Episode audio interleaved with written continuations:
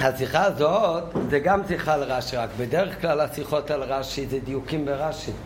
כאן כל השיחה זה על מה שרש"י לא אומר. כן? שיש קושי בתחילת הפרשה, ומזה שרש"י אפילו לא מתעכב על זה ולא אומר כלום, אז זה עצמו הוכחה שההסבר צריך להיות כל כך פשוט בפשוטו של מקרא, שרש"י אפילו לא צריך להתעכב ולהסביר את זה. אז זה נלמד את השיחה בפנים, זה השיחה על ההתחלה של הפרשה, פרשה כי תבוא, שמה זה המצווה שיש בתחילת הפרשה שלנו? זה המצווה של הבאת ביקורים. ביקורים, כי תבוא אל הארץ. מה זה כי תבוא אל הארץ מתי? מיד ביום הראשון שבאים לארץ ישראל? לא, מה אומר רש"י? אה? נכון. מגיד שלו נתחייבו עד שכבשו את הארץ וחילקוה. רק אחרי 14 שנה לקח לבני ישראל 14 שנה לכבוש ולחלק את ארץ ישראל ואז התחייבו במצווה של ביקורים. מה זה המצווה של ביקורים? המצווה של ביקורים היה שצריך לקחת מראשית פרי האדמה, כשגדלים הפירות החדשות, אז הפירות הראשונות שגדלים, צריך לקחת אותם ולהביא לירושלים. מה עושים איתם בירושלים? מה עושים איתם בירושלים? מביאים אותם לבית המקדש. מה עושים איתם בבית המקדש? מביאים אותם לכהן. זה המצווה של ביקורים. ממה מביאים ביקורים? מאיזה פירות? אה? הפירות שבאות. מה אתה אומר? לא? נכון, רק משבעת המינים. לא תפוזים ולא תפוחים, רק מהפירות שנשתפכה בהם ארץ ישראל זה שבעת המינים.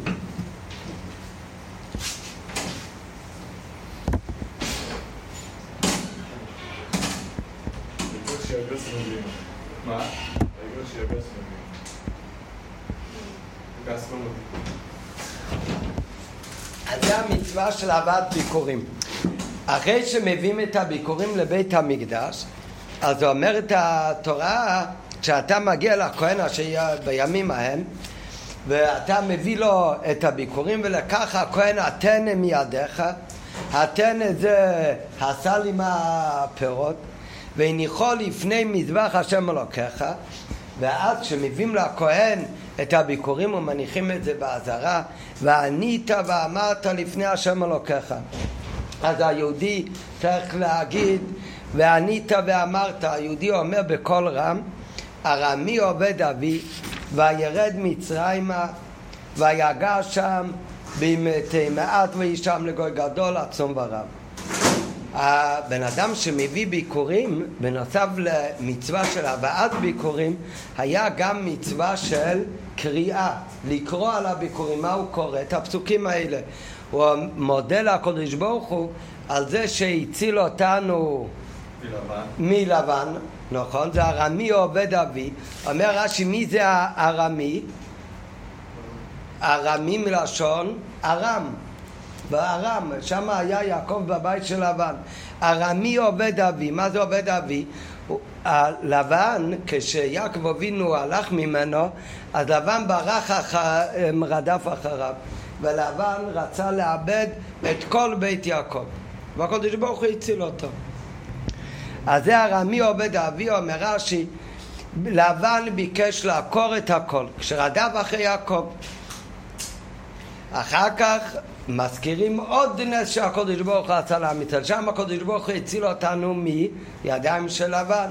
אה, ממה עוד השם הציל אותנו ממצרים? אחר כך בני ישראל ירדו מצרימה וגם יעקב ושם נהיו לגוי גדול עצום ורב ויראו אותנו המצרים ויענונו ויתנו עלינו עבודה קשה ונצעק אל השם אלוקי אבותינו וישמע השם את קולנו וירא את עוניינו ואת עמלנו ולחצנו וזה באריכות הפסוק אומר זה, כל זה צריך היהודי שמביא את הביקורים להגיד, להזכיר, אה?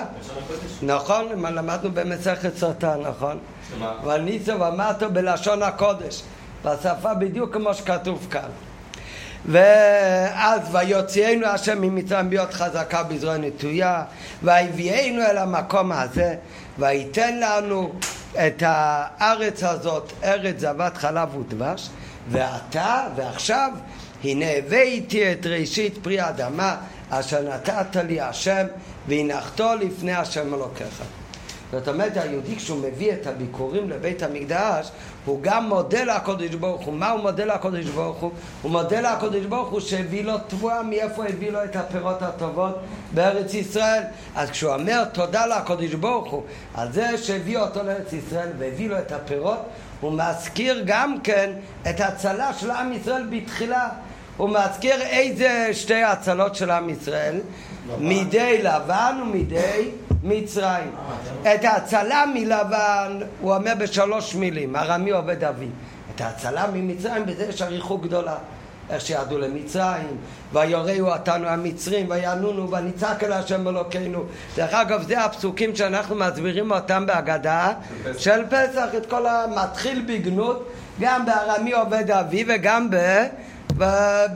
במתי מעט ירדנו למצרים.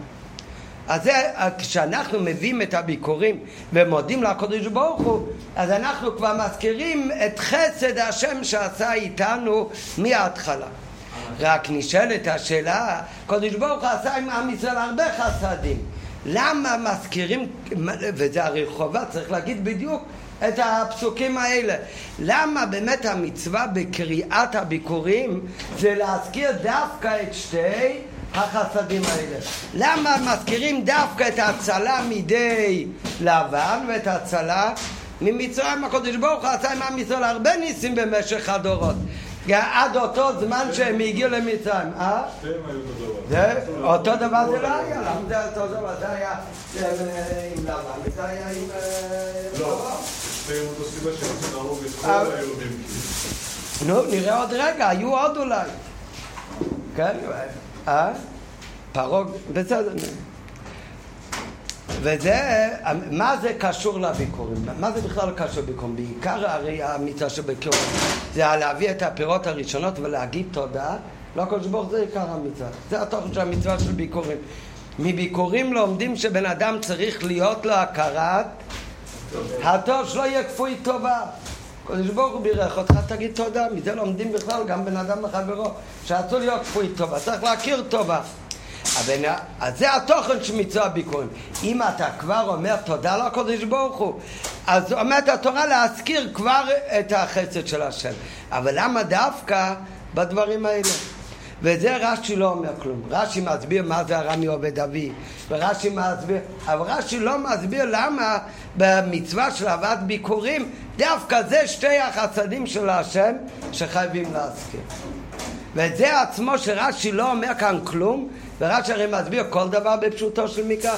זה עצמו הוכחה שבפשוטו של מקרא כל אחד צריך להבין שדווקא שתי הניסים האלה, שתי החסדים האלה, הצלה מלבן והצלה ממצרים, דווקא זה קשור למצווה של ביקורים. וההסבר בזה נראה בשיחה. דניאל, מה רצית לשאול?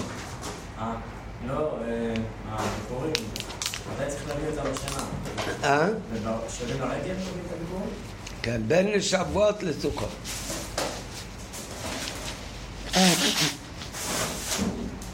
לכן חג שבועות נקרא חג הביקורים. נראה בפנים. בתחילת פרשתנו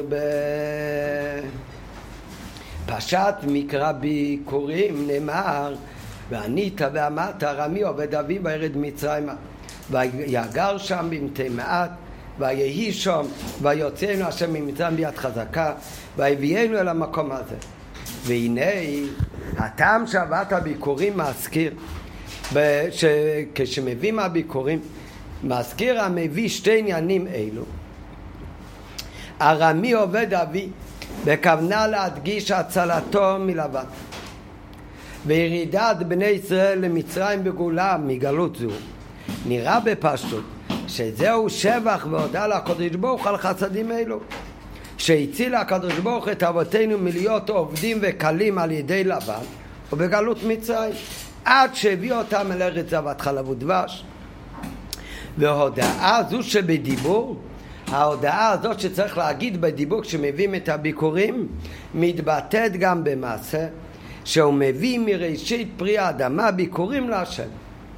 אמנם צריך להבין, אם הטעם הוא בכדי להזכיר חסדי המקום, אם העניין זה כשמביאים ביקורים, זה להזכיר את החסדים של המקום שהקדוש ברוך הוא כך אומר רש"י, רש"י על פסוק ה' אומר רש"י וענית ואמרת הרמי עובד אבי?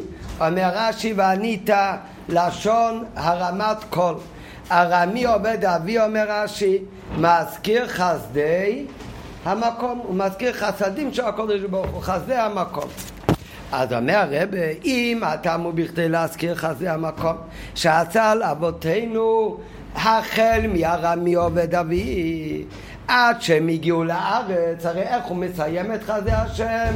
והבאת אותנו לארץ הזאת והבאת לנו מפרי הארץ. אז מי ארמי עובד אבי, מלבן ויעקב עד כניסה לארץ ישראל. אז מדוע אינו מזכיר אלו בית חסדים אלו? אז למה מזכירים רק שתי חסדים האלו?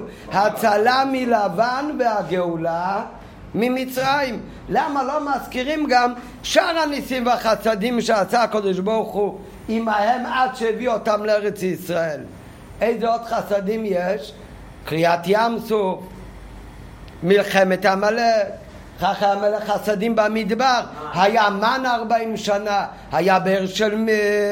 בלי הדברים האלה לא היינו שורדים ארבעים שנה במדבר. אז כל הדברים האלה זה גם חסדי המקום שהביאו אותנו עד לכניסה לארץ ישראל, שנוכל להביא ביקורים. כי הלא הם שעמדו לאבותינו להיות חיימים וקיימים בלכתם ארבעים שנה במדבר. זה הרי מה שהחסד הזה של הקודש ברוך הוא, זה מה שנתן לנו לשרוד ארבעים שנה במדבר, ואחר כך שנוכל להיכנס לארץ ישראל ולהביא היום את הביקורים. ובדוגמתם יש עוד חסדים, כמו אשד הנחלים, שבני ישראל עברו והגויים עמדו בהרים, רצו לזרוק אבנים ואז התחברו שתי הערים וכולי. מלחמת סיחון ואוג, מלא חסדים שבני ישראל ניצחו ובזכות החסדים והניסים האלה בסוף סוף נכנסו אחרי 40 שנה למדבר ושם הקדוש ברוך הוא הושיב אותם בארץ ישראל. נכנסו אחרי 40 שנה לארץ ישראל. שם קיבלו אחרי 14 שנה של ירושה וחלוקה כל אחד את החלק שלו והיום יכול להביא ביקורים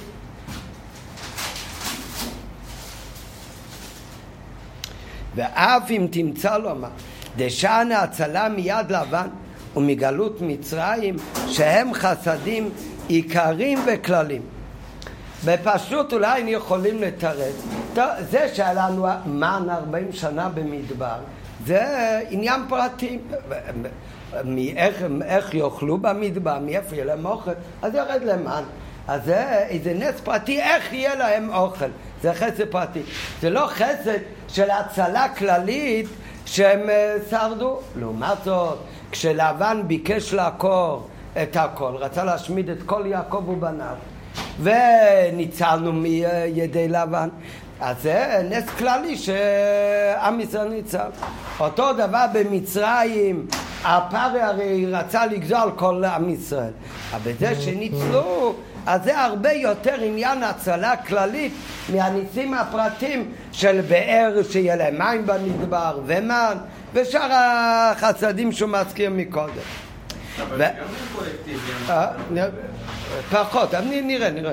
שבהם ועל ידם מציל הקודש לברך את אבותינו וכל בני ישראל מכיליון ואבדון גמור. הרי שתי הדברים האלה שמזכירים זה שתי דברים שהציל את עם ישראל מכיליון גמור. הרי אם אה, לובן היה מצליח לא היה נשאר כלום מעם ישראל. אותו דבר במצרים. לעומת זאת שאר הדברים בני ישראל היו במדבר, יש עוד דרכים איך לשרוד. אלה מלא בהמות יכולים לשחוט ולאכול, יכלו לקנות מתגרים. כמובן, זה שהיה לחם מן השמיים, מן, זה היה חסד גדול, ונס משמיים, אותו דבר ברשע מים. אבל זה לא הצלה מכיליון כמו הדברים האלה שניצלנו מלבן וממצרים. אז זה בפשוט היינו יכולים לומר. מה שאין כן שאר החסדים והניסים הנעל, שהנס הוא כמו המשך של ניסים ופרטים והסתעפות של החסד של יציאת מצרים. עיקר ההצלה של עם ישראל היה עצם יציאה ממצרים. אחר כך זה כבר היה פרטים, אחרי שכבר יצאו ממצרים, מה הם יאכלו שם, ומה יהיה בבאר, ומה הם ישתו, אז זה היה חסדים פרטים. שאין הנס של יציאת מצרים בשלמות אם לא יהיה גם אחר כך את שאר הניסים כמו אותו דבר גם קריאת ים סוף אם לא היה קריאת ים סוף אז הרי עדיין מצרים עדיין המצרים הרי רדפו אחריהם אז לכן הקריאת ים סוף זה כאילו השלמות והסיומת של של יציאת מצרים, אבל מהו עיקר הנס? שבזה נגאלו עם ישראל וניצלו עם ישראל, הנס, החסד הכללי הוא יציאת מצרים. לעומת זאת שאר הדברים זה סך הכל פרטים שמסתעפים מהחסד הכללי של יציאת מצרים כדי להביא אותם לארץ. שהרי אין הנס של יציאת מצרים בשלמותו אם לא יהיו גם הנצים שבאים אחריו קריעת ים צוב המן והבאר אבל עדיין קשה למה אינו מזכיר בהודעת הביקורים את החסד שנעשה ליעקב ובניו בין הזמן של ארמי עובד אבי עד לבירד מצרימה מה זאת אומרת? כל הניסים שהיו 40 שנה במדבר, מה שהיה אחרי מצרים, את זה אפשר להגיד, זה הכל כלול במה שמזכירים את הירידה ויציאת מצרים. כי כל ההמשך, מה שקרה שם 40 שנה במדבר, זה הכל דברים שהם חלק מהשלמות של יציאת מצרים. ככה היינו יכולים להגיד. אבל מה עם כל הניסים והחסדים שנעשו בין התקופה של לבן עד לתקופה של יציאת מצרים? נו, איפה היה... איזה עוד הצלות היו? הרי יעקב אבינו ברח מלבן, אחר כך הגיע לארץ כנען, ואחר כך, אחרי הסיפור של מכירת יוסף, הוא הגיע למצרים. נו, אז זה כבר וירד מצרים. איזה הצלה היה ליעקב אבינו בין לבין? ממי... או, בין לבין היה הצלה מעשיו. וההצלה של עשיו, אז גם כן, הרי יעקב אבינו פחד שעצב זה היה באמת שהוא ברח מלבן אחרי שבאמצע הדרך הוא כבר ניצל מלבן אז אחר כך הגיע בפרשת וישלח הגיע מולו עשב עם ארבע מאות איש עמו ופחד יעקב אבינו עד כדי כך שיעקב אבינו התפלל לקודש ברוך הוא ואמר צילני נא מיד אחי מיד עשיו פן יבוא ויקני הם על בנים אולי הוא יהרוג את כולנו? וגם בזה הוא ניצל. אז במה זה פחות מהצלה של לבן ולמה לא מזכירים את זה? למה לא מס... המילא כל הדברים שהיו אחרי יציאת מצרים? אפשר להגיד שזה פרטים והמשך ליציאת מצרים. אבל מה עם כל הדברים שהיו בין לבן עד ליציאת מצרים שזה גם היה הצלה עיקרית וכללית כמו הצלת יעקב ובניו מיד עשיו ואנשיו שעל זה אמר יעקב אבינו בתפילתו הצילני נא ביקני אם על בנים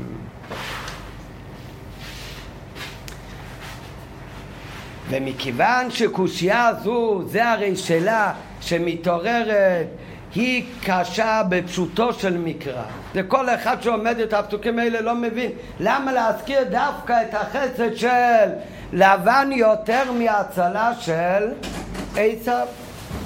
כן, למה צריך להזכיר את יציאת מצרים זה כל אחד מבין אבל למה באמת אה, ארמי עובד אבי שהקדוש ברוך הוא הציל אותנו מלבן ולא מזכירים את זה שהציל אותנו מעשיו, זה הרי כל אחד שואל. אז זו שאלה בפשוטו של מיקרא, אז תמוה למה אין רמז, למה אין אפילו רמז ליישוב של קושייה הזו בפירוש רש"י? למה רש"י לא עונה על זה?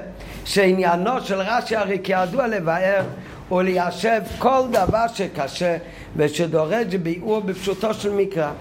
ומזה גוף אשר רש"י כאן לא אומר כלום, מזה גוף מוכרח שזה לא קושה מעיקר, שזה לכתחילה לא שאלה. והעניין מובן ומתבאר בפשטות כל כך עד שאין צורך לרש"י לפרש זה אפילו לבין חמש למקרא או שמובן התירוץ ממה שפירש רש"י לפני זה. כשיש שאלה כל כך פשוטה ורש"י לא אומר כלום, אז יכול להיות שתי אופציות. או שלפי פשוט של מיקרו השאלה לא מתחילה בכלל, או שאת התירוץ על השאלה הזאת אנחנו צריכים למצוא במה שרש"י כבר פירש במקום אחר. כאן הרבי יגיד שלכתחילה השאלה היא לא כל כך שאלה. טוב. למזכ... רק לסיכום נסכם מה הוא אומר באות א', מה שאמרנו באות א', השאלה העיקרית זה למה מזכירים דווקא את שתי חסדים האלה שהקדוש ברוך שמביאים ביקורים. את ההצלה מלבן ואת ההצלה ממצרים. ולמה לא מזכירים את שאר החסדים אז הרב מחלק את זה לשתיים, הרב אומר ככה, את כל החסדים שקרו באמת אחרי יציאת מצרים, המן, הבאר, מלחמת עמלק וקריעת ים סוף, את זה אפשר להגיד, זה הכל פרטים והמשך לעניין של יציאת מצרים, לכן הוא לא מזכיר את זה. מה נשאר קשה? נשאר אבל קשה למה הוא לא מזכיר גם את החסד שהיה בין התקופה של לבן עד למצרים. איזה חסד והצלה היה בין לבין? זה היה הצלה מידיים של עשיו הרשע. אז באמת נגרע החסד של הצלה מאיסוף לעומת הצלה מלבן. אז זה נשאר שאלה למסקנה. בהערה שבע, הרי מוסיף עוד נקודה. שעיקר מה שהוא אומר בפנים, למה לא כל כך קשה מהמן והבאר וה, וה, ושאר, והדברים שהיו במדבר, כי זה אפשר לומר שזה המשך ל, ליציאת מצרים. והרע, הוא מוסיף עוד עניין, שיכול להיות גם את הבאר ואת המן לא רוצים להזכיר, כי מה, מה היה החסד הגדול של המן והבאר? שעם זה שרדו עם ישראל במדבר 40 שנה. למה הם היו 40 שנה במדבר? בגלל חטא, בגלל חטא המרגלים. זאת אומרת, כל זה, נכון זה היה חסד גדול 40 שנה במדבר, לא אבל עצם אתה מזכיר חסדים של 40 שנה במדבר, אז אתה מזכיר גם עניין שלילי, כי זה גוף שבני ישראל היו 40 שנה במדבר, זה לאו דווקא משהו חיובי. אז זה יש עוד סיבה למה אפשר לומר, לא מזכירים את החסדים של 40 שנה במדבר. בנוסף לזה, בפנים הוא אומר שכל החסדים האלה זה חלק מהשלמות של יציאת מצרים עד לכניסה לארץ. גם עשיו אבל זה היה... אה?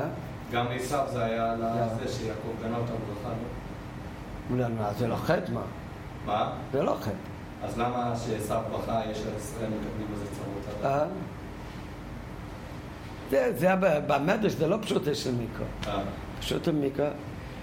נראה בהערה שבע, בנוגע לחסדים שבמדבר, שזה המן והבאר, היה אפשר לתרץ בדוחק שהטעם שלו מחשיב אותם, כי זה ברגע שאתה מזכיר את החסדים האלה, זה מזכיר גם את חטא המרגלים. שרק בגלל זה היו צריכים להיות 40 שנה במדבר והיו צריכים כל הזמן לחסדים הנ"ל של הבר והמן. נכון, בפועל התחיל לרדת מן והבר היה עוד לפני שילוח המרגלים. לא, אבל אם היו נכנסים ליד, מיד למדבר, אז המון זה לא היה כזה חסד גדול. לכמה ימים היה יורד מן וכבר נכנסים לארץ ישראל. הרי בפועל זה שהתעכבו שם כל כך הרבה זמן, זה תוצאה מחסדים, מהחטאים, וזה מגדיל את החסד. לכן לא רוצים להזכיר את זה. אז שגם קודם חטא המרגלים הרי היה מום ובר. בכל זאת, החסד של המון והבר הוא מתבטא ב-40 שנה. אז את זה אולי לא מזכירים בגלל זה גם קשור לעניין של חטא. על דרך זה אפשר לומר בנוגע למלחמת עמלק, שרש"י אומר למה הגיע עמלק? בגלל שרפו ידיהם בדברי תורה, והיו כאלה שהיו לא ראויים והנם פלט אותם, אם כולם היו כמו שצריך להיות, אז עמלק לא היה יכול לריב איתם. ובנוגע סוף אפשר לומר שזה הרי הסיום של יציאנו השם ממצרים בקריאס ים סוף לא צריך להגיד רק שזה מהפרטים. היציאת מצרים מסתיים ב... בקריאת ים סוף בכלל. האותות ומופתים ליציאת מצרים נכלל בזה. הכל היה חלק מיציאת מצרים. אז זה בהערה שבע הוא אומר.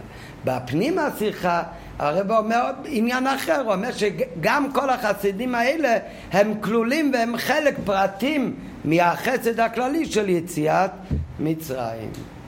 בסך הכל ראינו בהערה שבע, הוא אומר עוד ביור למה באמת אין קושי על החסדים האלה.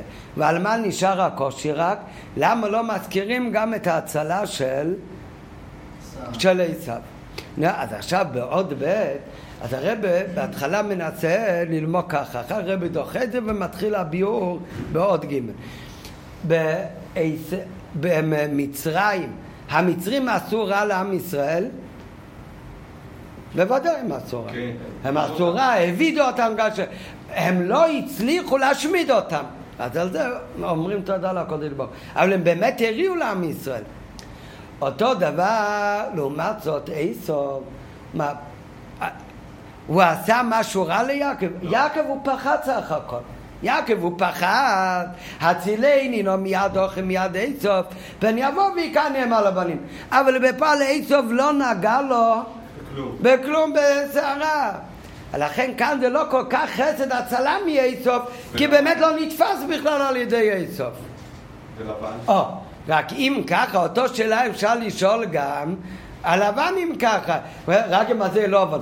נכון, הוא הביא אותה, אבל זה לה, להעביד את עם ישראל, לאבד אותם. ביקש לבן לעקור את הכל, זה גם רק לבן ביקש, בפועל הוא בכלל לא. עשה את זה. על איזה זמן הולך לבן לעקר את הכל? מתי זה היה? ב-14 שנה שיעקב אבינו היה בבית לבן, או כשהוא ברח ממנו? כשהוא ברח ולבן רדף אחריו. אומר רש"י. נו, אז שמה הוא רדף אחריו, כשהוא רדף אחריו אחר כך, הוא נגע בו לרעה? לא. הוא לא לעשות ש... אז זה בדיוק כמו עצוב גם כן. נו, לא, מה, יש הבדל אולי. למה יש הבדל? כי אצל יהודי אתה רוצה לעשות הרבה דברים טובים, לפעמים לא יוצא לך התענוס, אז על זה אומרים מחשבה טובה קודש ברוך הוא מצרף למעשה. זה כאילו אתה עשית את זה. מה קורה? בן אדם מתכוון לעשות משהו רע. כן, הבן אדם מתכוון לחטוא. כן, הוא רצה לאכול בזוקה, לא קשה. אבל בסוף, לא היה לו כסף, הוא לא קנה אוכל לא קשה. הוא לא חטא. נו, מה, זה נחשב לו שהוא חטא? לא. אה? תלוי. אה? לא, זה משהו אחר, הרהורי עבירה זה עצמו.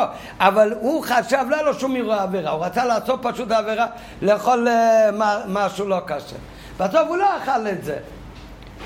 אה, בסוף הוא לא אכל את זה, הוא היה בשרי, אז הוא לא אכל חול הוואקום. אז זה בסוף, אז בסוף הוא לא עשה את זה. נחשב לו, אבל כאילו הוא חטא כי הוא התכוון. תלוי מי.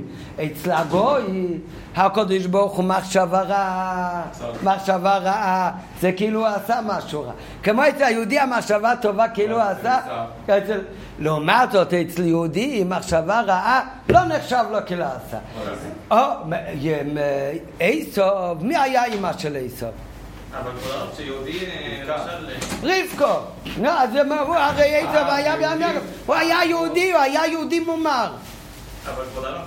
לובן לא, היה גוי, אז לכן את לובן הוא באמת עשה רע ליעקב.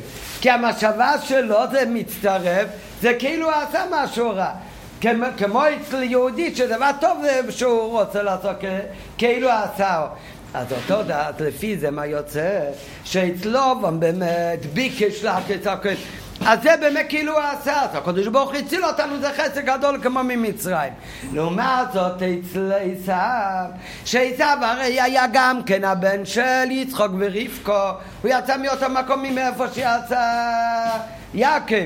אז אם ככה, היה לו, ככה אומרת הגמרא, של עשיו היה דין של ישראל, ישראל מומר. מכיוון שהיה לו דין של ישראל, המחשבה הרעה שלו לא נחשב כאילו הוא עשה. אז אם ככה רק יעקב פחד אציל עניינו מיד, אז זה לא כמו מצרים ולובן שהם עשו משהו רע וניצלו, אלא הוא בכלל לא עשה כלום. ככה היינו יכולים להגיד, הרבי ידחה את התירוץ הזה. כן. כבוד הרב, למשל שיהודי הוא חושב למשל הוא מסתכל על. זה משהו אחר, זה המחשבה עצמו היא עבירה. הכוונה זה, לא, לא מדברים עכשיו מחשבות שהמחשבה זה עבירה. המחשבה, הוא התכוון סך הכל ללכת, לגנוב ממנו את המאה שקל. אחר כך הוא לא יצטרך לגנוב ממנו את המאה שקל. לא נחשב כאילו הוא גנב מאה שקל. זה...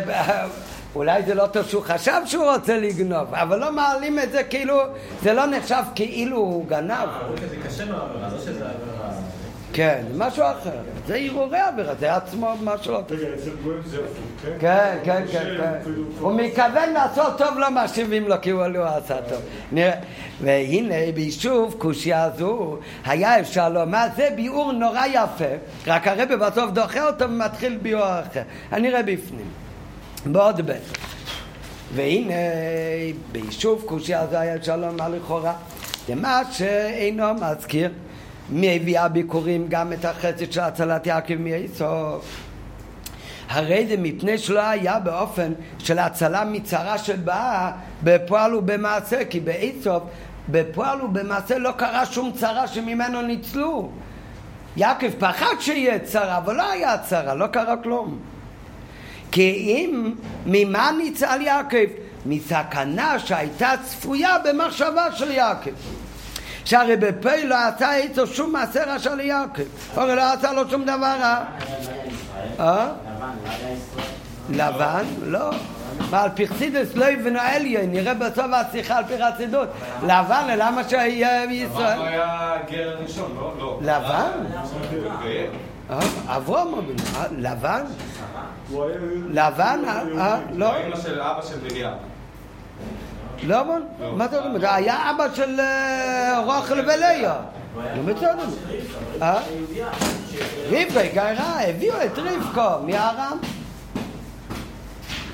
ואף שגם לבן לא הוציא את מחשבתו הרעה אל הפועל, אם הסיבה שלו מזכירים את עשו, שהרי בכלל לא היה שם הצהרה בפועל, זה רק מה שפחד ממנו יעקב.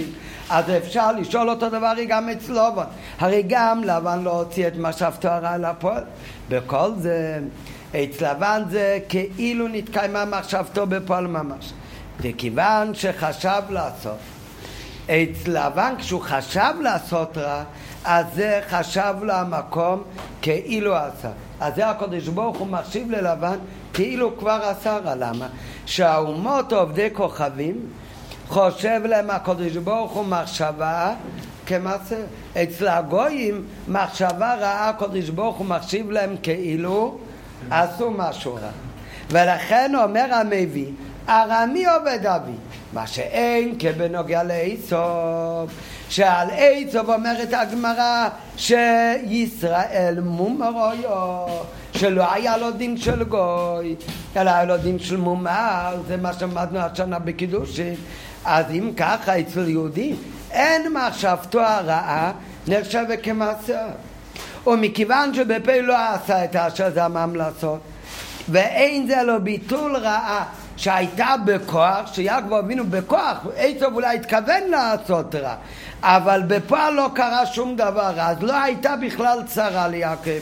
לכן אינו מזכיר הצלה זו ביחד עם שתי העניינים שזה שתי הצלות האחרות מלבן וממצרים זה שתי הצלות מרעה שקרה בפעל ממש מצרים כפשוט היה בפועל ממש, אצל לבן זה לא באמת היה בגשמיות, אבל הקודש ברוך הרי מחשיב את זה לרע. אז הביור הזה זה ביור מאוד יפה, אבל שתי סיבות למה קשה לומר שזה הסיבה שלא מזכירים את זה אותו יהודי שמביא ביקורים וצריך להזכיר חסדה של הקודש ברוך הוא למה באמת? הסיבה הראשונה כל זה שלעשוב היה דין של ישראל מומר. לעומת זאת ללבן היה דין של גוי. זה נכון, זה כתוב בגמרא, אבל בפשוטו של מיקרו זה לא כתוב באף מקום. בפשוטו של מיקרו, כל ילד שלומד חומיש ורש"י לא מקבל את הרושם שעשוב היה יותר יהודי מלבן. כל ילד שלומד חומיש ורש"י עיצוב היה גוי רשע, ולבן היה גוי רשע. איי, אימא שלו הייתה רבקו, זה הרי היה לפני מתן תורה. לפני מתן תורה בפשוטו של מקרא, כל המושג יהודי או נוכרי, זה לא היה תלוי בכלל ממי הוא נולד, זה היה תלוי אם הוא צדיק, הוא הולך בדרך השם, כמו אברום לימד את יצחוק ויצחוק את יעקב, אז הם היו נחשבים מבני ישראל. לעומת זאת אלה שלא התנהגו כראוי, אז כל אלה היו נוחים. זה בפשוטו של מיקרו. זה שלעצב היה דין של ישראל מומר, והיין שלו אולי זה לא יין עזר. זה הכל לא דברים שהם בפשוטו של מיקרו. בפשוטו של מיקרו כל המושג יהודי וגוי לא היה אז.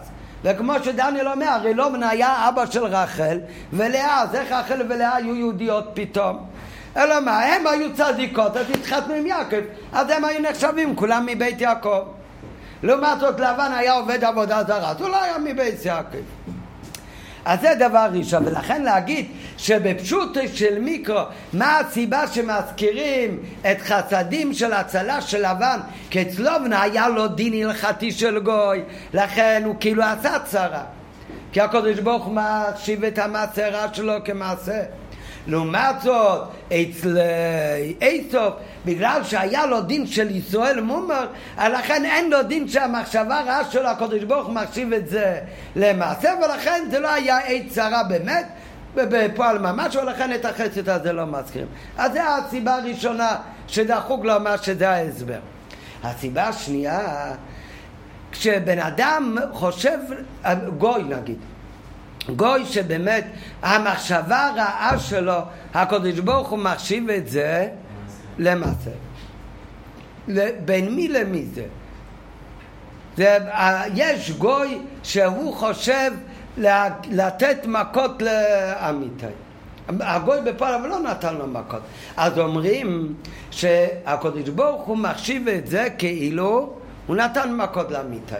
עכשיו יש יהודי שחושב לתת מכות לאמיתי, אבל לא נתן מכות לאמיתי.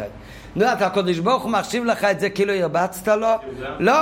אצל יהודי הקדוש ברוך הוא לא מחשיב את המחשבה רעה כאילו הוא עשה את זה כמעשה. נו, איפה הנפקא מינה? לאמיתה יש הבדל בין איוון שרצה להביץ לו לבין אור שרצה להביץ לו, או ההבדל הוא רק אצל איוון ואור. אצל מי יש הבדל? ההבדל הוא אצל איוון ואצל אור, לא אצל אמיתי. אמיתי, את הכאב הוא לא ירגיש, לא מאיוון ולא מאור. זה הקודש ברוך הוא מחשיב את זה שהוא רצה לעשות לה רע. כאילו עשה מעשה. זה בין הגוי לבין הקודש ברוך הוא. אבל אתה יהודי, אצל היהודי מה זאת אומרת? מה יותר כואב לו שהגוי התכוון לעשות לו רע ממה שהיהודי התכוון לעשות לו רע? אצל היהודי זה בכלל לא משנה, הוא בשתיהם לא ירגיש כלום. וכאן על מה מדברים? מדברים הרי על מה שיהודי כשמביא את הביקורים הוא אומר תודה לקודש ברוך הוא. נשאלת השאלה למה הוא אומר תודה לקודש ברוך הוא על יציאת מצרים ועל הצלה מלובון והוא לא אומר תודה לקודש ברוך הוא גם על הצלה מאיסוף. נו אז מה אנחנו רוצים עכשיו להגיד? אתה יודע מה ההבדל? שאיסוף הוא רק רצה לעשות לו רע אבל הוא הרי לא הכניס אותו בפועל ממש לצרה. נו ובלבן גם אותו דבר דבר. נו, אז מה אתה עונה לי? אבל לבן היה גוי, ולכן זה שהוא רצה לעשות לך צרה, אז זה הקדוש ברוך הוא מחשיב את זה כאילו הוא עשה לך צרה. נו, זה הכל יפה, הקדוש ברוך הוא מחשיב את זה ללבן, אבל יעקב אבינו לא כאב לו יותר הצרה מלובון ממה שכאב לו הצרה ואפילו מצד הפחד שיכול לבוא אליו, הוא התפלל עליה באיסוף ואומרת התורה, הצילני נו מידוך, מיד איסוף. אבל איסוף רצה להרוג את כל כן, יעקב אמר פן יובה ויקני עם אלבונים. רצה לקחת כמו אישה שלו. אה? לא, כתוב שאולי בזה הוא היה ניצל, אבל...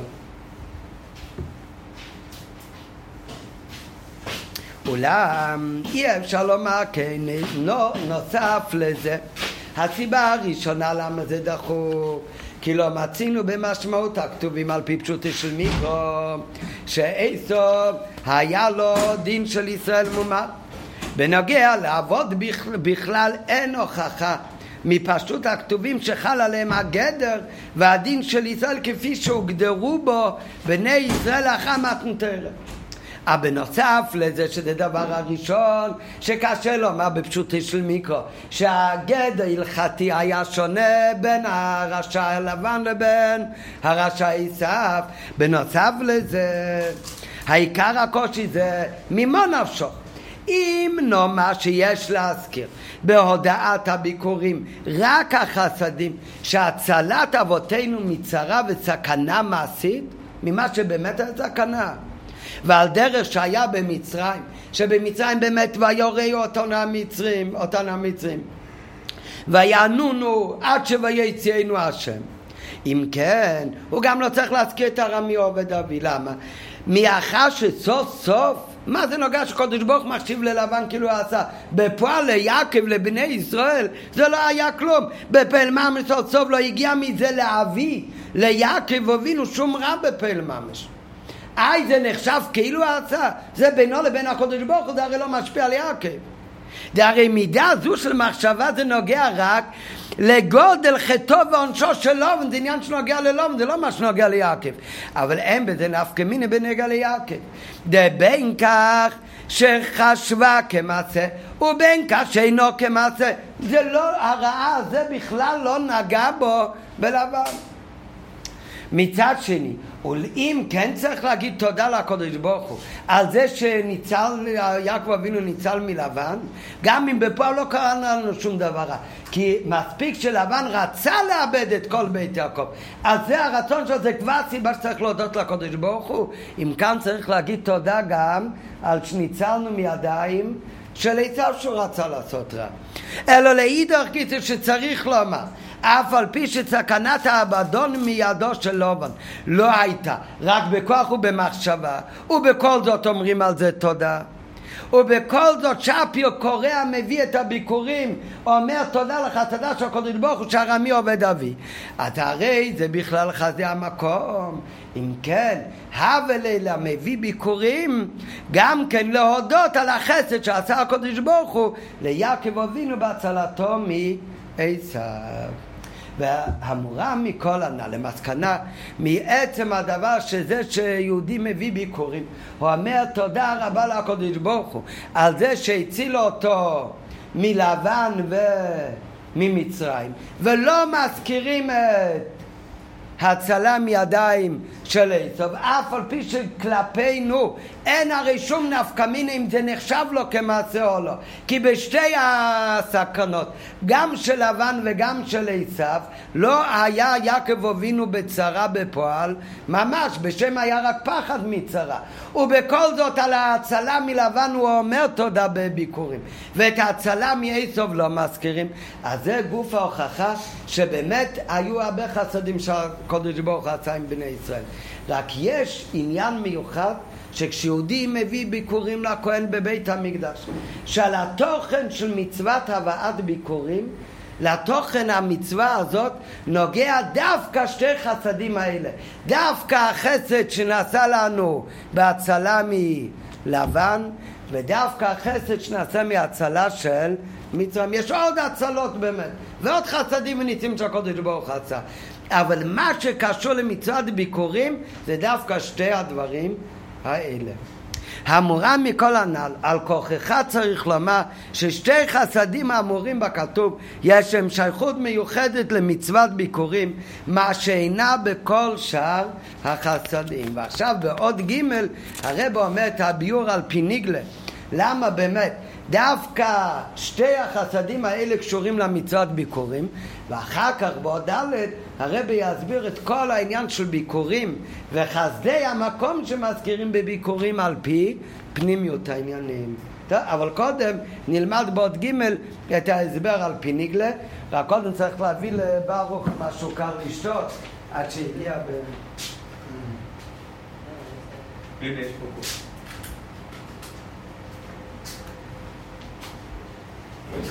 בחור חדש וקודם, בהתחלה צריך לחייך אליו, להתנהג יפה.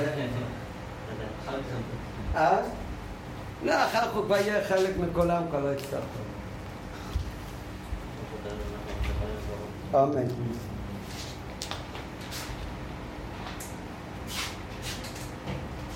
יש עוד שיחה? טוב.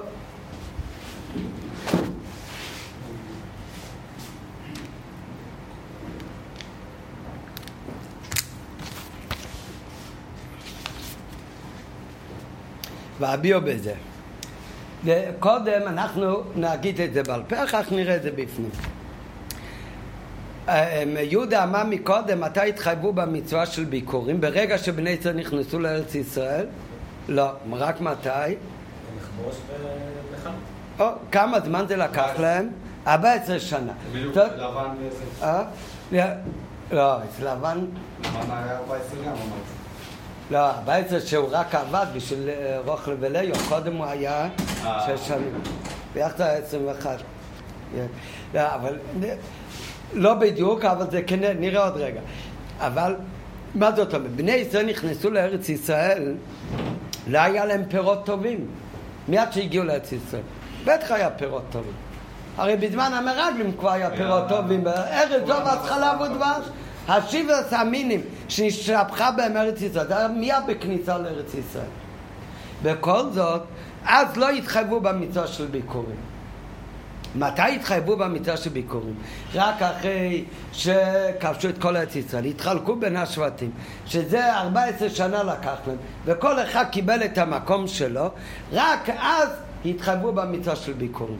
זאת אומרת, כשנכנסו לארץ ישראל בהתיישבות, ביום הראשון שהגיעו לארץ ישראל נלחמו. טוב, היו כאן, מי יודע מה יהיה מחר. כן, בטוח גם מחר נהיה כאן, אבל עוד לא התיישבו כל אחד במקום שלו שהגיע למנוחה ואל הנחלה. מתי התחילה המצווה של להביא ביקורים? זה כשהגיעו אל המנוחה ואל כל אחד במקום שלו, יש את הפדש שלו, אז הוא מביא את הביקורים. ויש בזה חידוש, זה לא השיחה הזאת, במקומות אחרים מסבירים שיש שבט אחד שאולי אחרי שנה כבר היה לו את החלק שלו. אז הוא עדיין לא הביא ביקורים. כי עוד לא כבשו ועוד לא חלקו את כל ארץ ישראל. זאת אומרת, כל זמן שאור לא קיבל את החלק שלו, גם אם אברהם אתה כבר קיבלת את החלק שלך בעצם, אתה לא מביא ביקום, למה?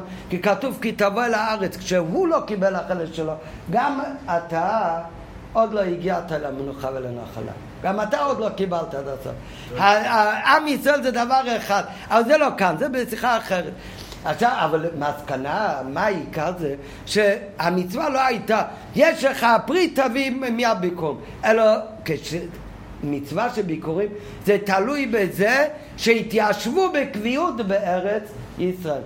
זאת אומרת, כשיהודי הביא ביקורים לבית המקדש ואומר תודה לקדוש ברוך הוא שלא יכפוי טובה אלא שיהיה מכיר טובה ואוניסו ואמרתו בכל רום הוא מודה לקדוש ברוך הוא על כל הטובה שהוא עשה לו.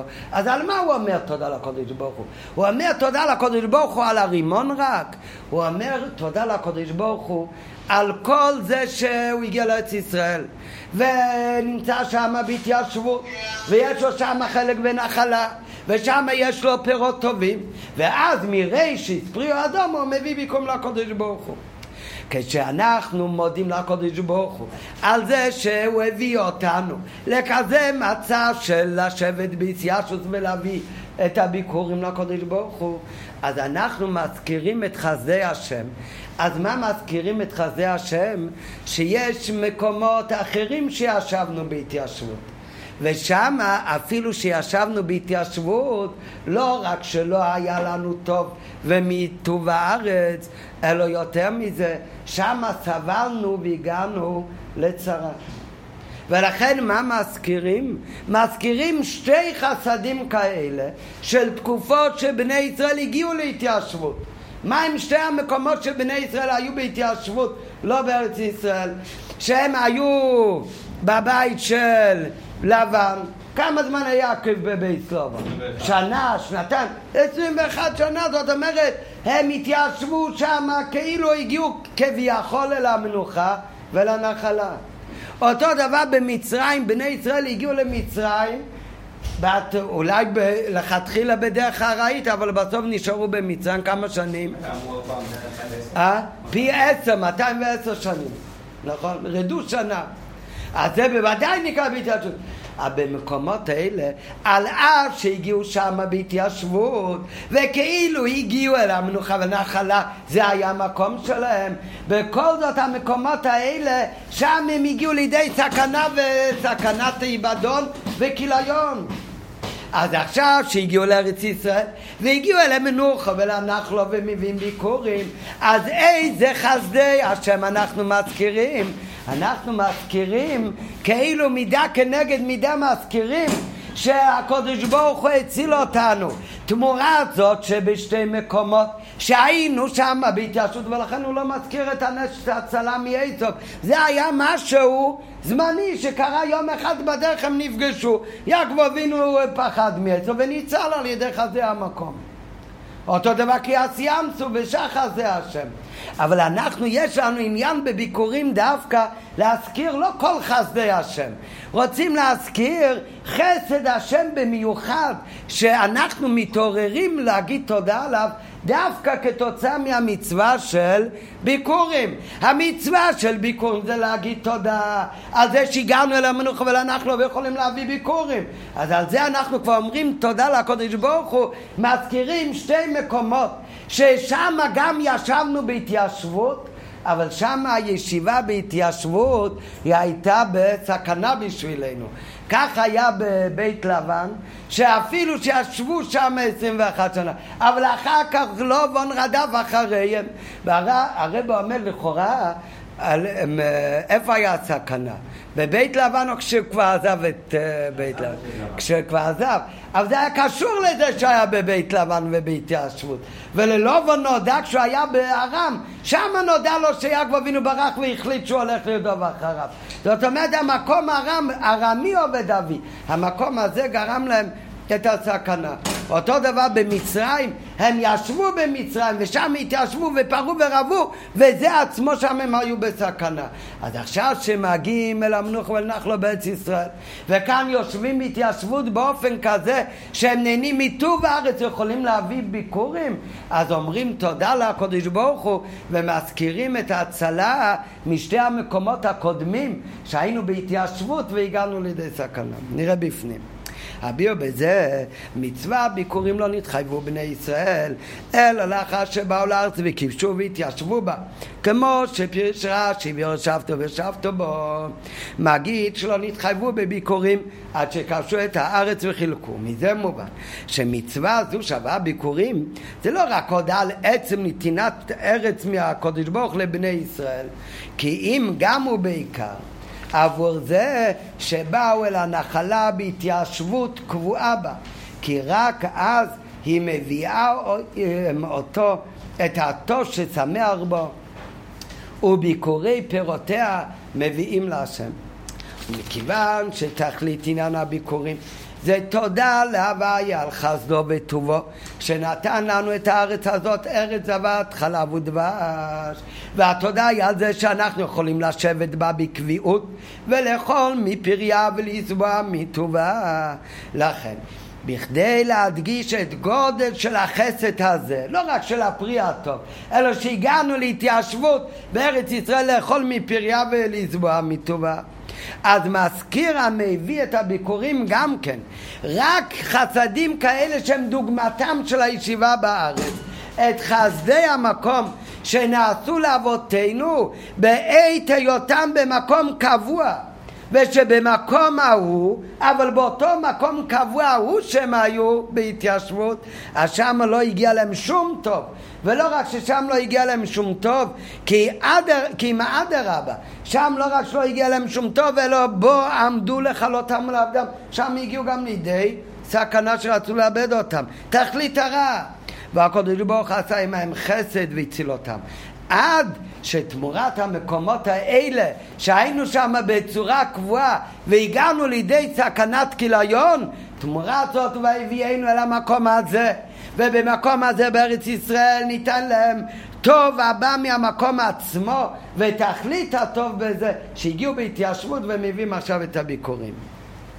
וזהו, לפי זה גם מובן טוב מאוד, למה מזכיר דווקא את חסדי המקום שנעשו לאבותינו בארם ובמצרים, כי דווקא בשתי מקומות האלה בני ישראל ישבו באופן קבוע עשרים שנה בארם, למה? ארבע עשרה שנה עבד יעקב בשביל רחל ולאה לכל אחד שבע. שנים. ושש שנים הוא עבד לכתחילה כדי שיסכים לארח אותו. אז הוא היה, אז זה ביחד עשרים שנה ובמצרים היה רדו שנה 220, 210 שנה, יותר מעשר כפול. אבל בשתי המקומות ישבו בצורה קבועה. כמובן, היה גם תקופה שהם היו בארץ כנען בקבוע, אבל שם לא היו בסכנת כיליון. זה שתי מקומות שהם היו בקביעות והגיעו לסכנה. ויומתא גם כן הטעם שהוא מתחיל את תודעתו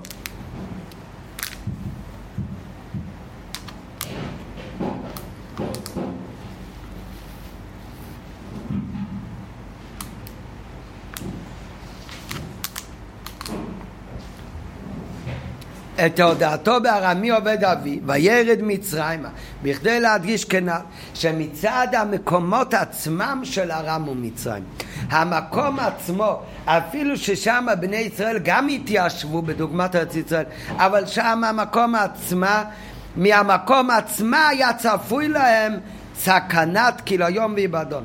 אלו שהקדוש ברוך הוא בחסדו הצילם וגאלם. עד שהביא אותם אל המקום, שהמקום עצמו בדיוק הפוך. שם המקום עצמו בעקביות הביא אותם לידי סכנה. לעומת זאת בארץ ישראל המקום עצמו הוא מקום מלא ברכת הוויה. מה שאין כן הצלה שיעקב מאיסוף, שזה בא בעת הימצאו בדרך. זה בכלל לא דומה לעניין של ביקורים.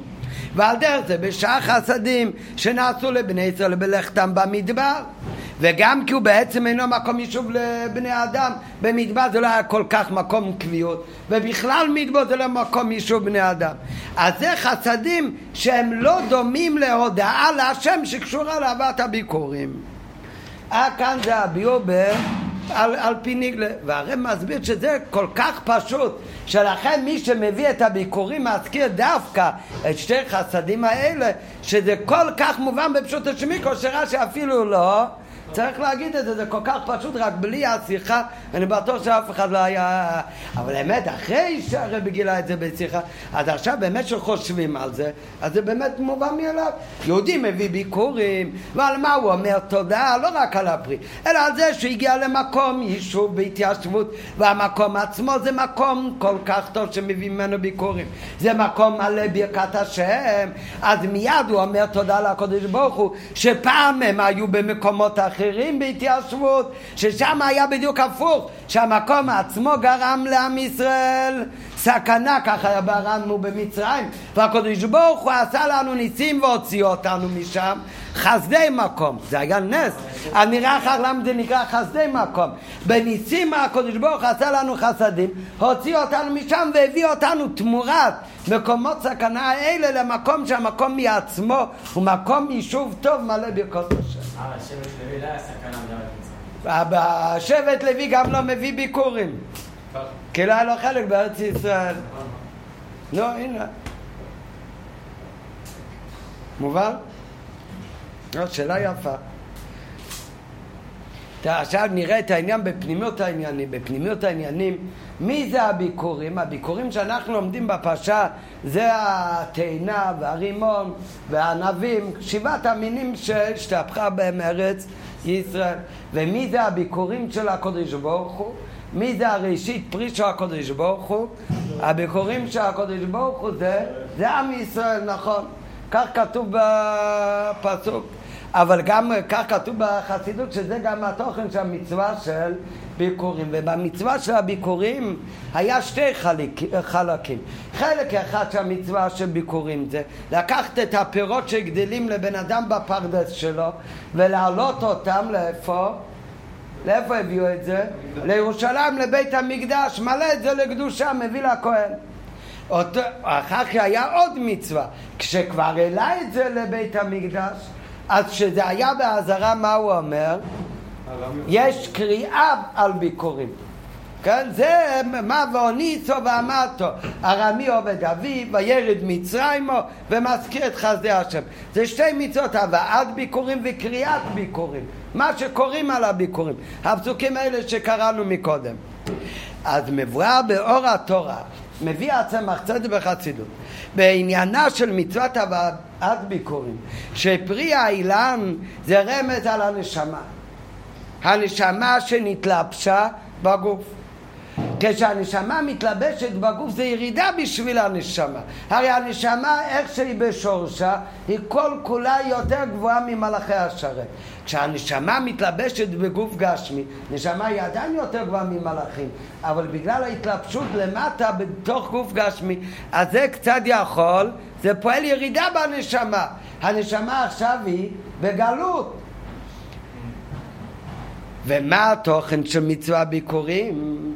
זה לקשר את הנשמה אחרי שהיא ירדה להתלבש בתוך הגוף, להעלות אותה למעלה בחזרה לשורשה, לא חס וחלילה למות, כן?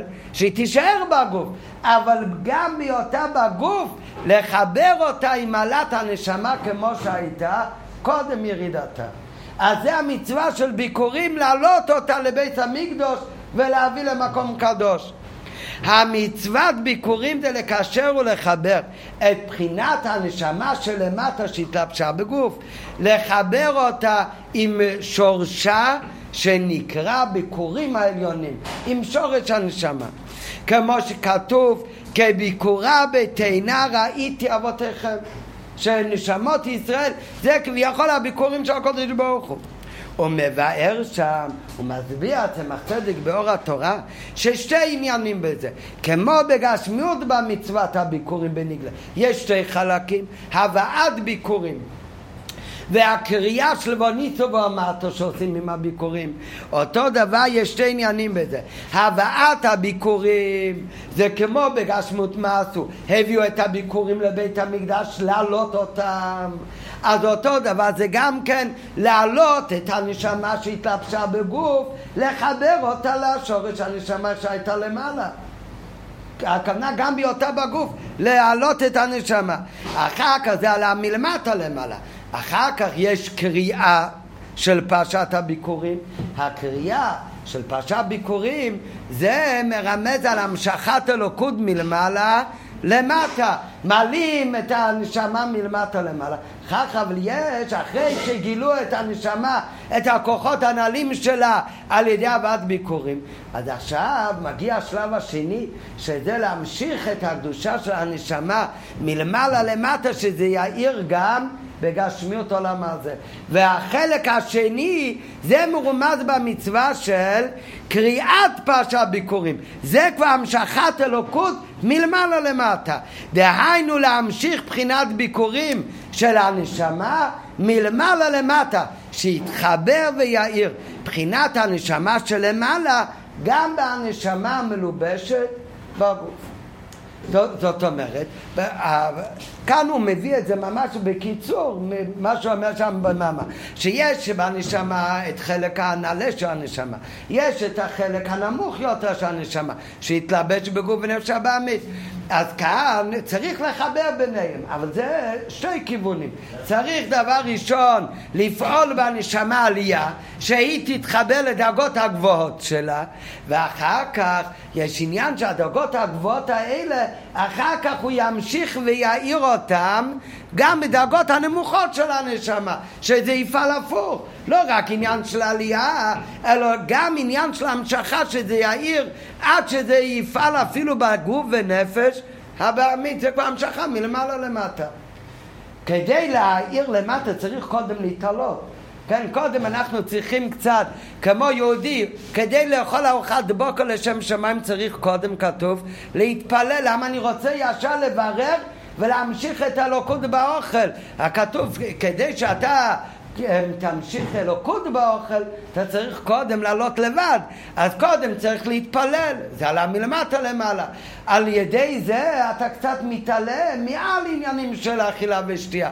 אתה, זה המשכת מלמטה, זה העלאה מלמטה למעלה. אחר כך שאתה כבר התעלית, עכשיו האוכל כבר לא כל כך תופס מקום אצלך, אז עכשיו אתה כבר לא צריך לפחד שהוא יוריד אותך ללמטה. עכשיו, הפוך, אתה יכול להמשיך קדושה על האוכל ולאכול אותו לשם שמיים. אותו דבר זה בכל דבר. צריך להיות קודם העלאה ואחר כך המשכה. אז זה מה שבמצווה ביקורים, היה שתי חלקים במצווה, הבאת ביקורים וקריאת פרשת ביקורים. והמשנה אומרת, יש כאלה שעושים רק מצווה אחת, יש כאלה שמביאים ולא קוראים. אה? זה תלוי, זה כבר הלכות, ב... זה לא נוגע. כאן זה, זה שני חלקים. אותו דבר גם במובן הפנימי של מצווה ביקורים, שזה לקחת את הביקורים של הקודש ברוך הוא ולהעלות אותם למעלה. מה זה הביקורים של הקודש ברוך הוא? זה הנשמה. העלאת זה את הנשמה שהיא כאן למטה, קצת להעלות אותה מהגוף ונפש הבאמית. לחבר אותה לדרגות יותר גבוהות בנשמה. אחר כך קריאת הביקורים זה לקחת את הנשמה אחרי שהיא שבעה עם הכוחות עליונים שלה ובחזרה להמשיך את זה כאן למטה ולעיר למטה. לא הבנתי איך הנשמה קשורה לפירות. אה? הפירות של הבן אדם זה התאנים והרימונים. אז זה הביקורים, זה הכי המובחר שלו, הראשונים. ומה זה הפירות המובחרים של הקודש ברוך הוא? נשמות ישראל. אה. הנשמות ישראל זה הביקורים של הקודש ברוך הוא. אנחנו הפירות של...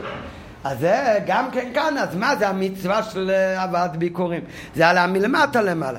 והקריאה של פרשת ביקורים זה המשכת אלוקות מלמעלה למטה. דהיינו, להמשיך בחינה ביקורים של הנשמה מלמעלה למטה, שיתחבר ויאיר בחינת הנשמה שלמעלה בהנשמה המלובשת בגוף. זה התוכן של מצווה ביקורים. אבל רב הרי רוצה להסביר את השיחה בפנימיות העניינים. בשיחה מה הסברנו? מה הוא אומר בקריאת ביקורים? הוא מזכיר חסדי המקום. ואיזה חסדי המקום? לבן ומצרים. אה? לבן ומצרים. אני רואה עכשיו שדווקא שני הדברים האלה זה מה שקשור לעניין של קריאה על ביקורים. אמרנו, הבאת ביקורים מה זה... העלאה מלמטה למעלה. מה זה הקריאה לביקורים? המשכה מלמעלה למטה. דרך אגב, לכן מה אומר רש"י? שבקריאת הביקורים מזכירים חסדי המקום. שאלנו מקודם למה הוא אומר חסדי מקום ולא ניסים שהשם עשה. אלא מה זה מידת החסד? כתוב בחסידות חסד זה המשכה מלמעלה למטה. מכיוון, כמובן, זה ניסים, אבל זה מורמז בחסדי המקום. כי קריאת ביקורים זה הרי מרמז על המשכה מלמעלה למטה. אז זה מורמז בזה שרש"י אומר שהוא מזכיר חסדי המקום. חסד, יש את הבאת ביקורים, זה עלה מלמטה למעלה. הקריאת ביקורים זה חסדי המקום, מה זה חסד? המשכה מלמעלה למטה. ומה מבטא את החזה המקום? זה דווקא העניין של לבן והעניין של מצרים. על פי זה יש לבאר שזהו הטעם שבקריאת הפרשה של ביקורים מזכירים שתי העניינים לבן ומצרים כי שניהם, בשני ענייניהם הירידה לשם היציאה היה בבחינת חסד והמשכה מלמעלה למטה. התוכן הפנימי של יעקב אבינו שהוא הלך ללבן ויצא מלבן, התוכן הפנימי שלו היה המשכת אלוקות מלמעלה למטה. בדיוק כמו התוכן הפנימי של מצרים ויציאת מצרים היה המשכת אלוקות מלמעלה למטה. איפה רואים את זה? כתוב בחסידות. יעקב אבינו הלך לבית לבן. איך זה כתוב בתורה, איך מתחיל הסיפור? וייצא יעקב מבאר שבע וילך חרנה. כתוב על זה בחסידות, שמה זה מרמז? והיציאה של הנשמה מבאר שבע, מהשורש שלה במידות עליונות. ולאן היא יוצאת? ללכת לחרנה למטה מטה, להמשיך את האלוקות עד למטה מטה. אז למה להיות סדר הפוך? אה? קודם למטה למטה. בסדר, זה יעקב אבינו, כדי שיהיה לו את הכוח לרדת ל... ללבן, אז מקודם הוא היה 14 שנה בישיבה של שם ועבר, הלוא מלמטו למיילו. אבל הירידה לבאר שבע, לחרא, אז זה היה באמת כדי להמשיך הלוקות מלמעלה למטה. אז זה מתאים עם חזה המקום שמזכירים כשקוראים על הביקורים, כי קריאת ביקורים זה הרי המשכה שאחרי עליו. וייצא, הכוונה הוא נמשך. יעקב מבאר שבע זה מלמעלה למטה. וילך חרנה עד למטה מטה. וביציאה משם, זה מורמז גם אחר שיצא משם. כשיצא משם הוא המשיך עוד יותר את הקדושה למטה. למה? כתוב בחסידות, זה עכשיו הפירוש הפנימי של לבן, כמו שהיה לבן כאן למטה, שהוא רדף אחרי יעקב, אז כתוב בחסידות שהלבן זה מרמז בשורש העליון שלו, זה דאגה בקדושה שנקרא לובן העליון. וזה דאגה כזאת כבר בקדושה, שיעקב אבינו כשיצא מחרן, הוא עוד לא לקח את זה איתו. אז וישכם לובן בבקר והוא רדף אחרי יעקב, זה כדי להמשיך לו גם את הדרגה הזאת מלמעלה למטה. ואחר כך ביציאה משם, היה וישכם לובן בבקר, שזה בחינת לבן בקדושה, זה הדאגה שנקראת לובן העליון, זה מקור החסדים, והלובן כסיב וישכם לובן בבקר, שבכל יום ויום בבוקר מתעורר מדעת החסד, אור החסד עליון. ויעקב הלך לדרכו, ויעקב יצא משם והלך לדרכו, כנ"ל להמשיך את בחינת לובן העליון לדרכו עד למטה מטה. אז זאת אומרת, כל העניין של יציאה של יעקב לבית לבן, עד הסוף שיצא מלבן, זה הכל מרומז על פי פנימות העניינים, את המשכת האור אלוקי מלמעלה עד למטה מטה. אותו דבר זה גם כן הירידה למצרים, שהירידה למצרים בפנימיות העניינים זה היה כדי להמשיך גם שמה את הקדושה, כמו שכתוב גם בניגלה שיעקב אבינו ירד למצרים דבר ראשון את מי הוא שלח לשפ... לפניו? ואת י... יהודו, את יהודה שלח לפניו גשנו לתק לבית תלמוד. הכל היה כדי להמשיך תלמוד קדושה במצרים. ואת יהודה שלח לא רק לפניו לתק לבית תלמוד. ואחר כך יציאת מצרים שזה היה גם מצד חסד של הקודש ברוך זה גם מבטא עניין המשכה מלמעלה למטה. שנגלה עליהם מלך מלכי המלוכים מלמעלה למטה וגאלם זה הרי כל עניין שיצא מצרים, זה חזה המקום, המשכה מלמעלה למטה. לא כמו בחודש אלול ותשרי שעכשיו מהי העבודה? לא מלמעלה למטה, אלא מלמטה, אני לא דיידי, אחר כך דיידי לי. לכן, לכן, חודש תשרי שמגיע אחרי אלול, שהכל הוא עלה מלמטה למעלה. איך כותבים תשרי? ת', ש', ר', מלמטה למעלה. האות האחרונה של א' ב', אחר כך השנייה מהסוף, השישית מהסוף. זה עבודה של חודש אלול תשעה זה מלמטה למעלה. זה העלאה מלמטה למעלה. צריך קודם לעשות תשובה, אני לא יודע לי, רק אחר כך יודע לי. לעומת זאת בחודש ניסן, יציאת מצרים כתוב, במצרים היה ערוות הארץ, שקועים במ"ט שערי טומאה. איך היה יציאה ממצרים באופן של גילוי מלמעלה? לא על ידי עלה מלמטה למעלה. נגלה עליהם מלך מלכי המלכים. לכן חודש ניסן נקרא בתורה חודש האביב. איך כותבים על אביב? א' ב' מלמעלה למטה. אז זה גם כן מרמז על עניין החסד. הירידה של בני ישראל למצרים היה באופן להמשיך אה, אור אלוקי מארץ ישראל עד לארץ מצרים את יהודה שולח לפונוב גשנו גם יציאה ממצרים זה גם עניין של חסד המשכה מלמעלה למטה ומה היהודים בתשרי אז אה, טוב, היהוד נשאיר להערה פעם אחרת. טוב, 27, ועד שכל חודש האביב ניסן הוא בחינת חסד שזה יציאה מצרים קשור לחסד, המשכה מלמעלה למטה, שאותיותיה כסדרן, אותיות הן כסדרן, א' ב', זה מבחינת חסד. חודש האביב האותיות הן כסדרן, מה שאין כן תשרי האותיות הן תש"ר, מהסוף להתחלה.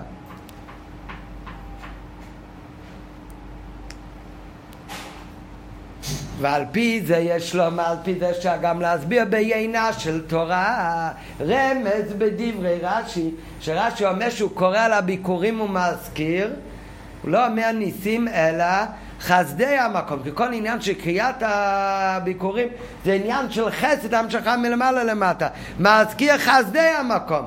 לכאורה הרי מדובר כאן בהצלת יעקב מלווה מיציאת מצרים, שהם ניסים גדולים ולא רק חסדים בלבד.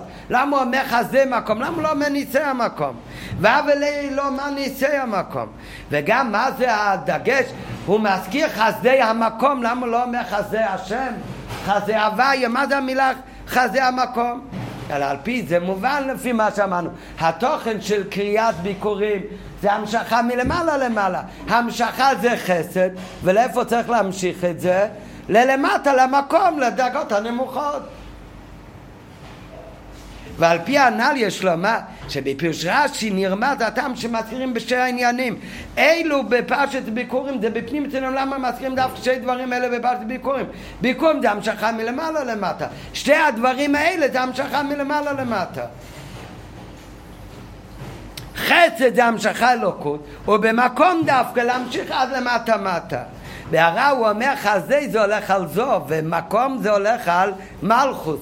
וזה איך נמשך עד למטה מטה זה על ידי שלמעלה החסד נמשך לחסדי המקום הזו למלכות, אז ככה גם כאן למטה, וייצא יעקב מבאר שבע עד שוילך עד למטה מטה, אותו דבר שהלכו למצרים זה היה כדי להמשיך את האור אלוקי עד למטה.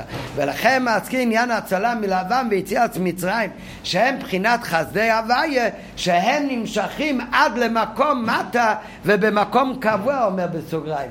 שזה כל העניין של החטא שמזכירים כאן כנזכלים. אחרי שלמדנו גם על פי החסידות, אז מהי ההוראה מזה בעבודת השם? לכל דבר יש גם הוראה בעבודת השם. שאמרנו הביקורים, יש בזה שני חלקים. הבאת הביקורים זה על ה... מלמטה למעלה. אחר כך קריאת ביקורים זה המשכת אלוקות למטה. ולכן באמת בקריאת ביקורים מה מזכירים? את עניין של יעקב בבית סלובון ומצרים, שבשתיהם מודגש העניין באמת של חסד להמשיך את האלוקות עד למטה, מלמעלה למטה. אז זה הוראה מזה בעבודת השם. יהודי יכול לחשוב שהוא בתור נשמה קדושה שיש לו, שהיא ביקורים של הקודש ברוך הוא. העיקר זה רק להתעלות ולהתחבר בהקודש ברוך הוא. אבל הוא שוכח שצריך גם להמשיך את הקדושה עד למטה. אז אומרים ליהודי, תדע לך, תכלית הכוונה של הביקורים, של הבאת הביקורים, של העלאה מלמטה למעלה עם כל העמלות שאתה מגיע בדבקות, בהליכה מלמטה למעלה באלוקות, אז זה צריך להביא אחר כך גם לעניין של חסדי המקום, קריאה לביקורים. צריך להמשיך את הקדוש אחר כך גם שיהיה נרגש עד למטה. הוראה מזה בעבודת אדם, אין לו לאדם להסתפק בעלייתו, בעבודתו, ועלייתו בתורה ותפילה, שעל ידי זה הוא מתעלה. הוא מתקשר להוויה, שזה כמו הוויה ביקורים. אלא כל אחד צריך גם כן שימשיך אלוקות למטה, גם בדברי הרשות ובמובחרים שבהם. והיינו, לא רק שענייני הרשות לא יתפסו שום מקום אצלו. בהתחלה העבודה של היהודי זה מלמטה למעלה, הוא מתעלה למעלה, ואז גשמיות העולם בכלל לא תופס מקום אצלו. אבל אז מי מתחבר לקודש ברוך? הנשמה שלו. הדברים הגשמים שלו נשארים מנותקים מאלוקות. אז אחר כך מגיע המצווה של קריאה על ביקורים, שצריך להמשיך את האלוקות גם בדברי רשות, שבכל מעשיך יהיו לשם שמיים, בכל דרכיך דיו. אלא צריך שגם, לא רק שענייני הרשות לא יתפסו שום מקום אצלו, מחמד דבקותו בהשם, שזה השלב הראשון, אלא יותר מזה, אחר כך גם בעניינים הגשמים, שהוא מתעסק בהם, גם זה יהיה באופן של, גם בדברים הגשמים, שהוא מתעסק בהם באופן של קביעות, ימשיך בהם אור וגילוי אלוקי עד שיהפוך גם אותם לטוב ולקדושה ממש. וזהו מראשית פריה דווקא, שהוא לוקח מן היפה שבפירות, הנאה והטוב, את הגשמיות הוא לוקח, והוא הופך את זה לנאה ולטוב, הוא הופך גם את זה לביקורים ולקדושה, שבזה דווקא הוא משלים את הקו, תכלית הכוונה של בריאת העולם, שהקדוש ברוך הוא יתהווה לעשות לו יתברך דירה בתחתינו.